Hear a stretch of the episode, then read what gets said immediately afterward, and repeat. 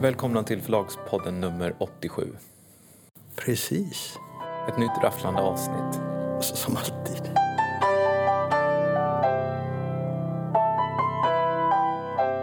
Vi har ju tidigare i podden så har vi talat lite grann om det här med Spotify och eh, att Spotify har börjat göra poddar och mm. framförallt att Spotify har kontaktat svenska bokförlag. Och att svenska bokförlag har börjat göra poddar åt Spotify. Jag tror framförallt det är Mondial som kanske var först ut. Eh, de har kontakt med flera förlag men Mondial har redan producerat ett antal poddar utifrån böcker som, som finns exklusivt på, på Spotify. Eh, och det här är någonting som... Det... Poddarna finns exklusivt ja, på Spotify? Ja, och det här är någonting som, som vi pratat jättemycket om här på Linda Company i ljudboksgruppen. Eh, jag har hört, men jag vet inte, att det lär pågå väldigt mycket aktivitet på Storytel eh, kring det här med poddar. Och eh, den stora frågan har ju varit liksom, hur ska vi förhålla oss till det här? Är det här någonting som vi ska börja göra? Hur ska vi tänka kring det här? Ehm, och uppenbart har varit då att Spotify har satsat jättemycket och plöjer ner pengar i det här. Och ehm, vi har inte riktigt förstått liksom, vad är det som de ser. Ser de något som inte vi ser? Ser de en ny typ av produkt? För det de har gjort med de här poddarna har ju varit eh, någonting helt annat liksom än, än, eh, än, än hur vi tänker oss ljudböcker och så eh, och så läste jag en artikel i Affärsvärlden eh, av Martin Gelin som handlar om Spotify och poddar. Och den gjorde att jag liksom fick lite av en aha-upplevelse. Berätta då. så sitter du tyst bara för att få mig att reagera. Jag, jag, ville få en reaktion bara. Det såg ut så uttråkad ut. Nej, det var jag verkligen inte. Nej, men Koncentrerad. Spotify har, det här faktiskt hade jag ingen aning om. Spotify har blivit USAs största poddplattform. Va? Ja. Spot, faktiskt, de har gått om. Alltså en, en femtedel av alla Spotifys användare, 22 procent, lyssnar nu på poddar. Och det betyder då att de, de, de har gått från 35 miljoner poddlyssnare till 70 miljoner poddlyssnare på ett år. Det är ganska mycket. Mm. Och därmed så har Spotify gått förbi Apple som USAs största poddplattform. 25 procent av amerikanska poddlyssnare uppger Spotify som sin främsta plattform medan 20 procent säger Apple. Då kanske vi ska säga att våran podd ligger inte på Spotify. Nej, den ligger inte på Spotify. Men vet du hur många poddar de har totalt? Nej. De har en katalog på 1,9 miljoner poddar. 1,9 miljoner. Och de har lagt 800 miljoner dollar på att köpa upp poddtjänster de senaste två åren.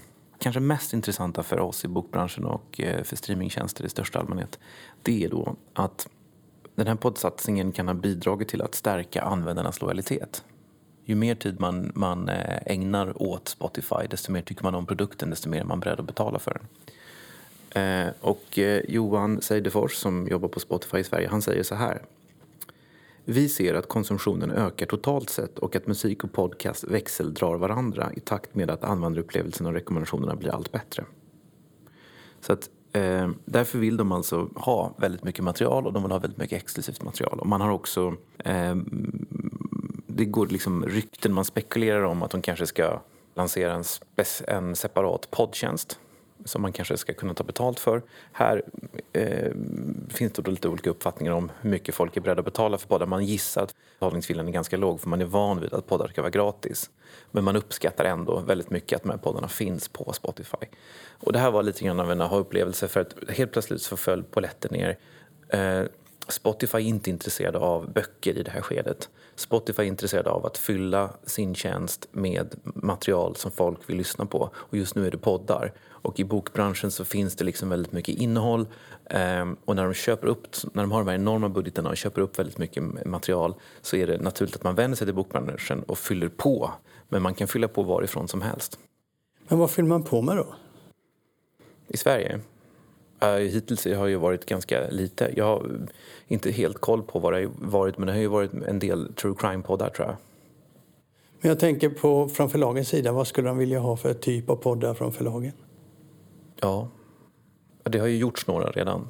Jo, jag vet ju vad man har gjort för ljudinnehåll. Dels så finns mm. det ljudböcker och sen finns det då förlag vars, eh, där förläggare pratar med författare om deras böcker.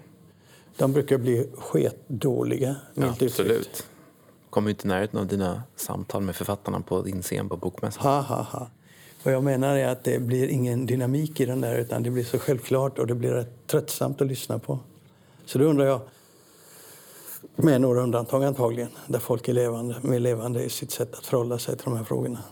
Nej, men den frågan som du ställer, den har vi ställt oss också. Vi, har, vi, vi är väldigt ödmjuka inför det här och vi, vi, vi, liksom, eh, vi vill inte missa poddtåget. Men vi kan inte se idag hur vi kan, hur vi kan producera kvalificerat bra poddmaterial och innehåll till, med utgångspunkt från böcker utan att det blir mm, ganska dåligt och det kommer ta väldigt mycket tid att producera och det kommer ge väldigt dåligt med intäkter. Eh, så så jag, jag, tror förlagen är liksom förlorarna på podd. Det här är bara en, en tentativ analys från mig. Alltså jag kanske har fel, men det är så här som jag befinner mig just nu, min, mitt sätt att tänka. Förlagen vill hoppa på poddtåget, men eh, det är fel. Därför att eh, poddarna handlar bara om att Spotify måste fylla sin tjänst med innehåll. Och det spelar liksom ingen roll varifrån de kommer. Och om förlagen då tror att de ska liksom tjäna pengar på att göra poddar så bör de i nuläget gå tillbaka till att göra lite bättre ljudböcker. Jag tror, jag tror inte det finns, eh, som jag kan se det idag. Men jag har ju märkt att jag har ju fel lite då och då. Så jag kan ha fel här också, men eh, jag kan inte se det. Nej, men det är ju ingen som vet någonting. Men jag var, jag var fascinerad över hur, att, att, att, Spotify hade blivit USAs största poddplattform. Det var faktiskt mm. nytt, nytt för mig. Mm. Och då insåg jag plötsligt att det här handlar, här handlar bara om innehåll och lojalitet. Fylla tjänsterna med, med material. Mm. Så det, det, blir spännande att se vad de svenska streamingtjänsterna gör för att det är ju podd, poddan, poddlyssnandet har ju verkligen exploderat. Vilka är dina favoritpoddar? Mm, hemligt. Okej. Okay. det, det säger för mycket om dig som person. Ja, det säger för mycket för mig som person.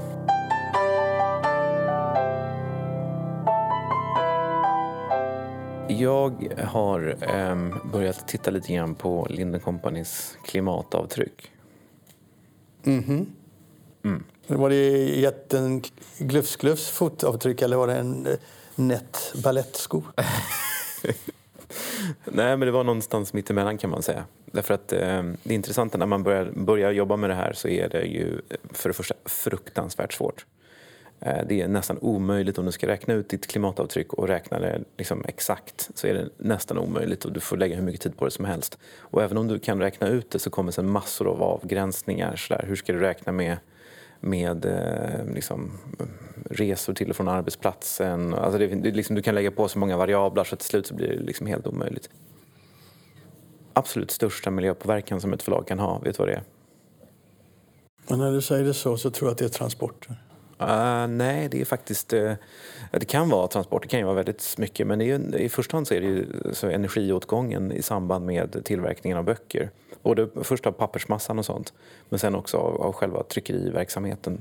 Det tyckte jag var det naturliga svaret, så jag försökte vara smart och komma med något annat eftersom ja. du sa som du sa. Ja, nej, men det, det är liksom den absolut största klimatpåverkan du kan ha. Och då är det så enkelt att förlag som har en stor digital omsättning, en större andel digital omsättning, har ett lägre klimatavtryck. Men det har vi pratat om tidigare. De har ett klimatavtryck, vi har talat digitala. Om, vi har talat om det här tidigare. Eh, och eh, då har min ingångspunkt varit att en, eh, alltså en digital konsumerad bok måste vara bättre för miljön än en eh, fysisk bok.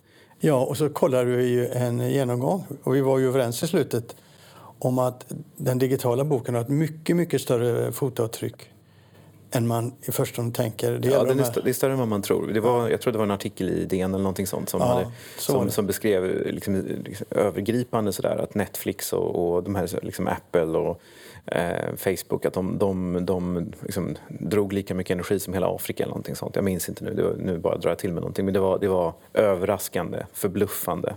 Högt ja. Ja, det var högt. Ehm, jag har ställt frågan till de svenska streamingtjänsterna om de har räknat på vad du har för, för, för avtryck per lyssning. Och då är det, det man räknar då, det är alltså koldioxidekvivalenter som är eh, det, liksom det är koldioxid och sen så är det eh, två gaser till. Det är metan och sen så är det ytterligare en gas. Eh, det är alltså CO2e man räknar. Storytel svarade att de skulle återkomma, de håller på med något stort miljöarbete så de ska släppa någon rapport i vår och då kommer de att eh, eh ta upp det här.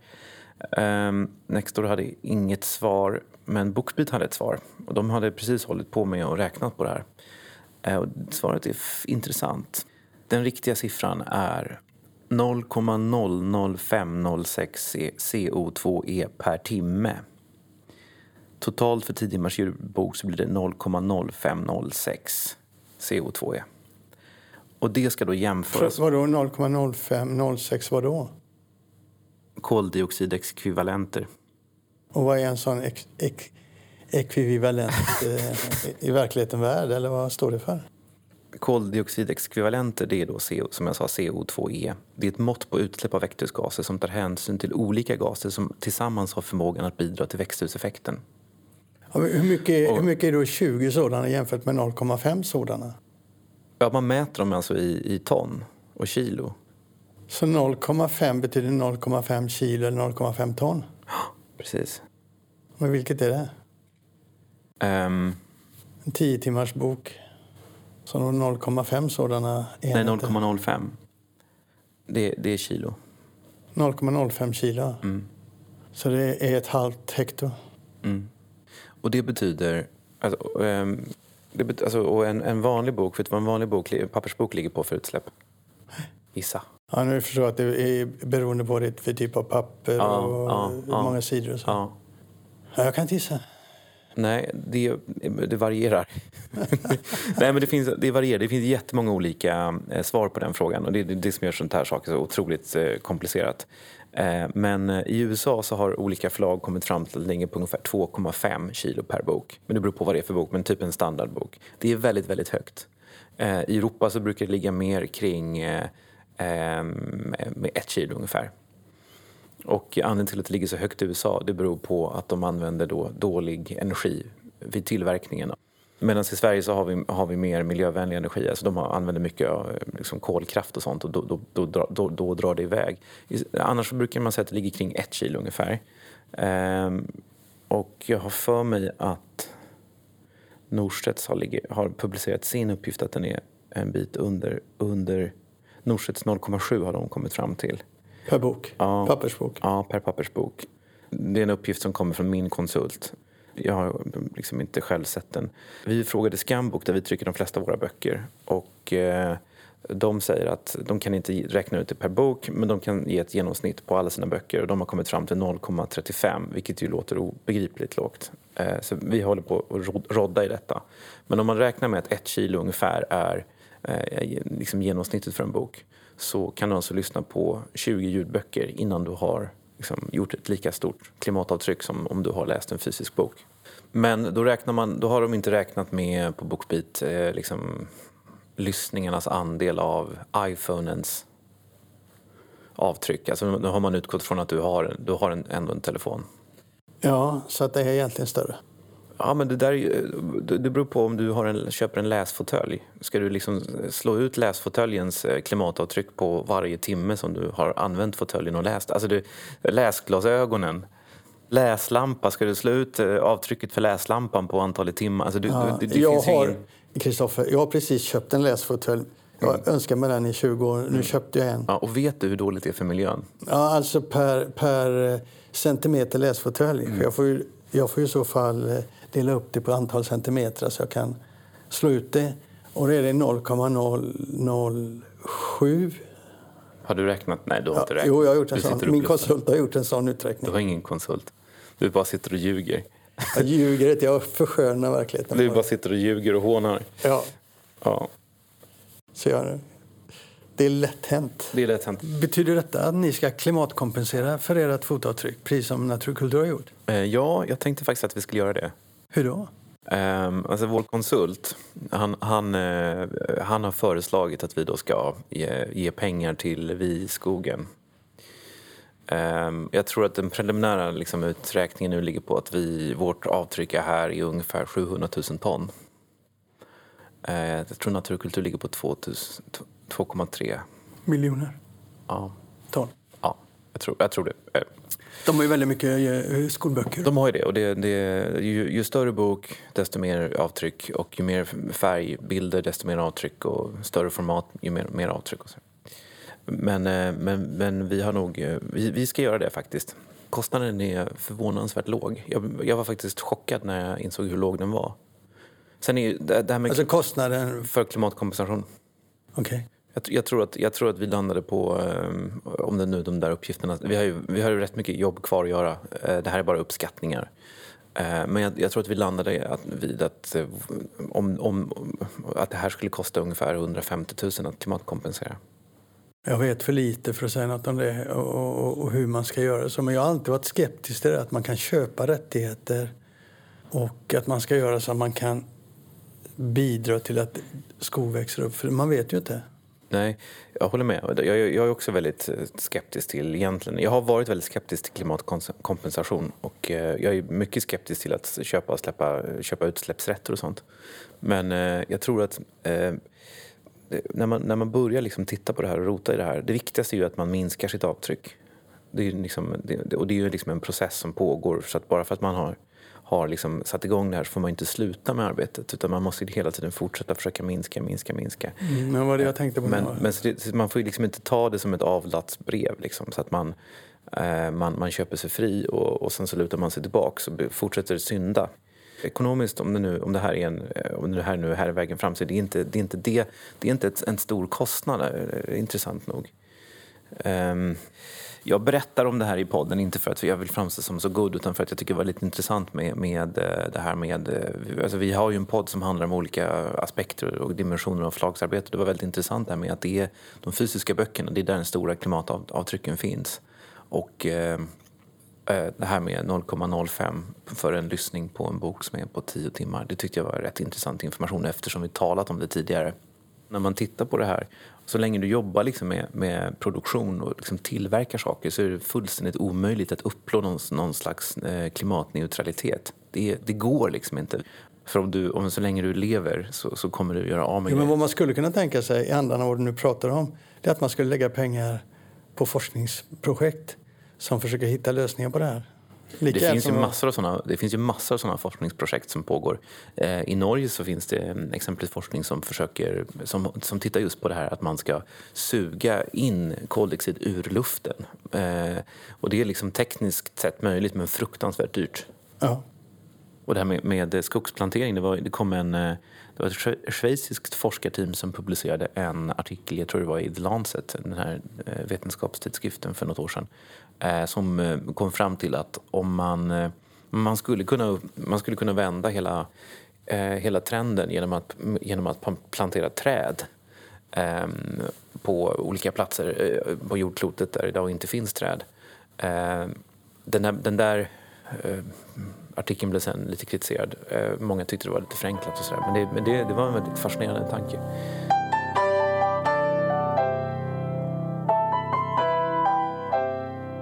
författarporträtten som du ser i media? Ja, jag vet inte om det är... Jag har inte, min spaning är ganska platt egentligen. Jag har tänkt på det ganska länge, att jag tycker att eh, eh det är någonting som har hänt med författarporträtten. Och eh, så var jag på en eh, lunch för ett tag sedan. Det var Denise Rudberg som hade lunch för att fira att hon har varit författare i 20 år. Och på den lunchen så var, var det kanske 25 personer och av dem så var det ett 20-tal av Sveriges kanske mest välkända namnkunniga författare. Jag ska inte räkna upp alla men det var väldigt många som alla känner igen. Och så du? Och jag och några till. Eh, precis. Eh, jag har gett ut några böcker av henne så det var ju därför jag var där. Och sen så var det hennes förlag Bookmark som var där. Eh, ingen från Bonnier var där tror jag. Men det, men det, var mest författare och så som var där. Och eh, det var väldigt trevligt och, och, roligt och generöst och fint och allt det där. Men då upplevde jag att jag stod och pratade med en person och tänkte så här, gud vad gammal eh, hon har blivit. Och sen så eh, eh, eh, gick jag runt och pratade med folk. Jag tyckte alla eh, hade blivit väldigt gamla. Och sen så satte jag mig till bords och så, så, så såg jag en person på lite avstånd så tänkte jag, nej men är det hon? Det kan inte vara hon. Och sen så, så visade det sig, det var ju hon. Eh, liksom, diskrepansen mellan de här retuscherade eh, bilderna som tas och verklighetens eh, bild, den är nu så gigantisk. Så du blev chockad? Nej, jag blev inte chockad. Det är mycket möjligt att de sa samma sak. De kanske tittade på mig och sa gud vad Kristoffer Lind har blivit gammal och plufsig och mörk under ögonen och sådär. Nej, men, men hårfästet har gått upp lite. Ja, alltså, nej, men det, det, det, den här, jag säger ju att den här, den här reflektionen är lite platt. Eh, men jag tycker ändå att det har hänt någonting med pressbilderna. Och det är klart att det här är någonting som man måste dra ut lite över tiden. Men idag så anlitar man Tråne Ullberg väldigt mycket. Och, eh, och bilderna är otroligt redigerade, retuscherade. Eh, och det finns inte en rynka i pannorna. Och, och, men mest intressant av allt är hur vill man bli porträtterad? Hur vill man se ut? Och då eh, är då min spaning att idag vill inte folk se ut som... Eh, folk? Nej, men framförallt vill man inte se ut som en intellektuell. Hur nu en intellektuell ser ut. Men man vill inte se ut som P.O. Enquist. Han var ju väldigt eh, snygg. Man vill inte se ut som eh, Sara Lidman, hon kanske hade lite för konstigt hår. Man vill inte se ut som Astrid Lindgren, man vill inte se ut som Horace Engdahl. Nej, men folk vill se ut som eh, eh, celebriteter. Alltså folk vill se ut som amerikanska eh, Hollywoodstjärnor. Det är idealet. Och det kanske är ett ideal som är mer liksom allmänt, alltså det är så som man vill se ut. Man vill se snygg, rik och framgångsrik ut. Det kanske inte är något konstigt, men, men, men det har ingenting med litteratur att göra. Det har ingenting med att vara författare att göra. Nu är det säkert många som tycker att jag är elak och, och dum och det, det, är verkligen inte min avsikt. Jag förstår ju också att man vill se snygg ut på sina bilder. Men jag har själv faktiskt en, en eh, Trån Ullberg, gammal Trån Ullberg-bild som jag har haft på LinkedIn som jag har tagit bort nu för att ingen ska gå in och se hur, eh, hur orealistiskt snygg jag ser ut. Um, så där är inget konstigt. Och folk har alltid haft eh, gamla författarporträtt eller uppfixade författarporträtt. Jag vet Olof Svedliden hade länge en bild som var 20 år gammal där han inte alls såg ut som han gjorde. Och på slutet av hans liv så fick han ju en, en cancer som, som gjorde att han var tvungen att operera bort halva käken. Så där hade han också liksom fotat sig i en vinkel som man inte skulle se det. Och det är, ju, det är ju helt begripligt. Så det är inte riktigt det som jag är ute efter. Utan det jag är ute efter det är det här vad det är för slags ideal. Alltså hur man vill se ut, hur man vill bli porträtterad. Vad det är för liksom, estetiskt, eh, liksom, kulturellt som man är ute efter. Alltså den här celebritets, alltså författaren som celebritet snarare än som författare. Det, det är någonting som jag har som skaver hos mig lite grann. Och det är inte bara liksom hur pressbilderna ska se ut, det är också hur en del författare gärna vill tala om sig själv som ett varumärke eller tala om sig själv som hur mycket pengar de har tjänat. Eh, jag förstår inte grejen. Jag tycker det är jättebra att tjäna pengar. Eh, fantastiskt att folk har blivit rika och blir rika och sådär. Men eh, det är liksom som om det hade varit lika bra om de tjänade pengarna på strumpor eller smink eller vad som helst. Alltså det, författaren som celebritet snarare än som författare är också en, en nedgradering av litteraturen, en nedgradering av författaren. Sen, sen kan det ju också vara så att det som det här andra idealet som jag, som jag är ute efter som då har försvunnit, att man ska se ut som en intellektuell, det kan ju också bli väldigt löjligt. Eh, jag tänker exempelvis på en bild av eh, eh, Bo Zetterlind som eh, vi har haft med en gång när vi gav ut en bok med en antologi med dåliga dikter. Eh, han sitter med en vit polotröja framför en rauk på Gotland. Han sitter med en röd penna som han skriver dikter med. Ska vi ta och prata om eh, författaren Måns Wadensjös artikel i, i Svenskan? Mm. Som har rubriken Inte ens jag själv vill läsa böcker som mina. Mm. Ja, det här var en artikel som kom för några veckor sedan men den blev något av en snackis. Ja, och han fick mycket kritik. Ja. Och jag fattar inte varför. Gör du det? Ja, jag förstår varför. Men du kanske men... ska förklara för de som inte läst den vad, den, vad, är, vad som är budskapet i, i hans artikel. Ja, just det. Och varför den, varför den provocerade många. Ja, ett av de citaten som står där, det låter ju så här. Det fanns en tid när skönlitteraturen var ett verktyg för att skildra samhället och påverka människor på djupet. Men den, definition, men den tiden är definitivt inte nu. Och så berättar han om sin eget författarskap där han precis har kommit ut med en bok nyligen. Och eh, han har reflektioner över sin roll i, eh, inom litteraturen. Han tycker han skriver bra böcker. Men de förstår själv att de berör väldigt få. Därför att de berör mest hans egen navel ungefär. Va? Och så är det med de flesta samtida roman, svenska romanerna tycker han då. Det här är en deprimerad författare som mm. försöker orientera sig i samtiden. Ett, ett rop på hjälp helt enkelt. Absolut. Han är väl ganska öppen med att han eh, befinner sig i någon slags personlig kris och han har funderat på att sluta skriva och sådär. Mm. Men vad tyckte du? Jag har då hört Eh, reaktioner från en del författare som kanske är lite mer framgångsrika än vad han är. Som blir lite provocerade av att han dömer ut hela, liksom den, hela samtidslitteraturen bara för att ingen vill läsa just hans böcker. Eh, och han, skriver, han jämför ju med exempelvis eh, P.O. Enquist Legionärerna, att på den tiden så berörde litteratur, det var, alltså, samtidsromaner var någonting som berörde, det var någonting som skapade samtidsdebatt som man förhöll sig till. Eh, och eh, jag tror ju att ska, hade P.O. Enquist skrivit någonting liknande idag så hade den också berört och skapat en debatt. Men du måste ha en sån berättare som P.O. Enquist och du måste ha ett sånt ämne som man hade i Legionärerna. Det, det är den här balansgången som, alltid, som du alltid har när du, när du ska liksom tala om att litteraturen är hotad och på utdöende. Att du kan liksom falla över till, till något slags totalt mörker och pessimistisk världsbild. Och det är väl det som jag tror att i kritiken mot Måns Wadensjö så ligger det att den är liksom lite väl mörk. Ja, jag tror att det handlar om utgångspunkten. Han tittar utifrån sig själv och är förtvivlad över sitt skrivande. Eller rätt sagt, betydelsen av det han gör. Eh, så han har tappat sugen. Men han, eh, han utgår inte bara från sin egen litteratur. Han, ut, han, utgår ju från eh, det han själv har sett i den samtidens litteratur. Det är intressant för att jag hade inte förväntat mig en sån här öppenhjärtig och rak text av en författare att lämna, lämna ut sig själv så mycket. Mm, nej men det, det, gör han ju verkligen. Det finns ju exempelvis beskriver han att han har varit ute på flera tillfällen på biblioteksuppläsningar. Och det har varit tre personer i publiken och ja, båda, både de tre personerna i publiken och bibliotekspersonalen önskar att de, inklusive han själv, önskar att de vore någon annanstans.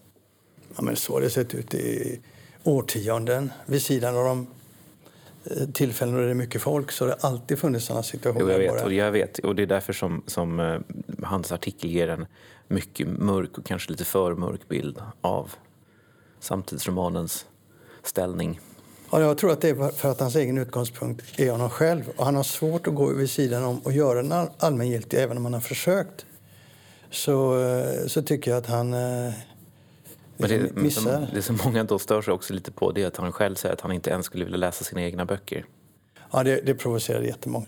Han, har ju, han säger då att han, hans bästa bok är någon slags kollektivroman eh, som köptes in av fler bibliotek än vad bokhandlare köpte den. Vilket inte eh, för övrigt är särskilt ovanligt heller. Eh, och eh, den har fått väldigt få läsare och då så säger han att jag hade nog inte orkat läsa den själv. Nej, han, han, han mår inte bra. Han, han har ju svårt att se sitt skrivande just nu, han ska göra av det. Annars är ju det här ödet väldigt vanligt bland författare. Av alla som skriver så är det jättemånga författare som hamnar i den situationen. Mm. Att, att böckerna inte säljer, att de påverkar ingenting, de syns inte. Nu rör han sig i, i, i bland Stockholm och de intellektuella i Stockholm så han, är nog van vid runt omkring sig ha fler framgångsrika författare. Så. Men till saken hör också att det här är en författare som, som får väldigt mycket fina recensioner. Så det är inte en författare som inte får uppmärksamhet, uppmärksamhet på det viset. Nej. Jag tänkte på min eget läsande när jag läste det här och vilken roll litteraturen betyder för mig. Och det är så att jag, jag läser och lyssnar ju ideligen och nu är inte jag författare. Men för mig verkar liksom litteraturen och litteraturutgivningen frisk på det sättet att det finns otroligt mycket intressanta böcker att läsa. Så är det. Men sen tror jag om jag ska koppla till lite statistik från läsandets årsringar, den här rapporten som vi talade om av Johan Svededal, så är han också inne på att eh, deckaren eller kriminalromanen har alltså gått från att på 50-talet så stod den för jag tror det var en femtedel kanske av, av eh, placeringarna på topplistor och så. Och idag så är det, är det kanske 80 procent. Mm. Att den har gått från att vara en del utav samtidslitteraturen, eller samtidsskön, den skönlitterära samtidsromanen till att bli huvudfåran. Deckaren, ja. ja. Och, eh, och, det kan man ju tycka väldigt mycket om och så. Eh, men eh, jag har ju liksom en, också en teori där som, som är en väldigt förenklad teori men också att det är den enda samtidsromanen som berättar en historia att väldigt mycket av det här som Måns Wadensjö är ute efter, han nämner liksom P.O. Enquist. Eh, och det, han nämner ju författare som är fantastiska berättare. Inte bara liksom språkligt och gestaltningsmässigt lysande författare utan väldigt bra berättare. Och många av de här, han talar själv om sin kollektivroman som väldigt tråkig. Många, det vet jag inte om den är, för jag har inte läst den. Men många, många samtidsromaner är, är ju inte särskilt bra eh, de har inte, det är inte bra berättelserna, det är inte där du hittar dem. Och det finns väldigt många bra berättare som har idag valt att skriva eh, deckare för att man där också tar upp samtidsfrågor och gestaltar människors liv. Och man kommer åt läsarna där? Det är också naturligtvis så.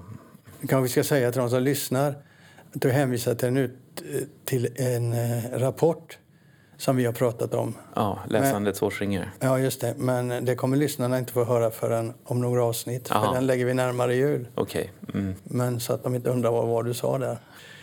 Ja, nej, jag, jag blev mest... Eh, min reflektion på det här var jag blev inte så irriterad överhuvudtaget. Jag tyckte bara det var synd om en författare som Ja, var jag så deprimerad. jag tycker synd om honom också.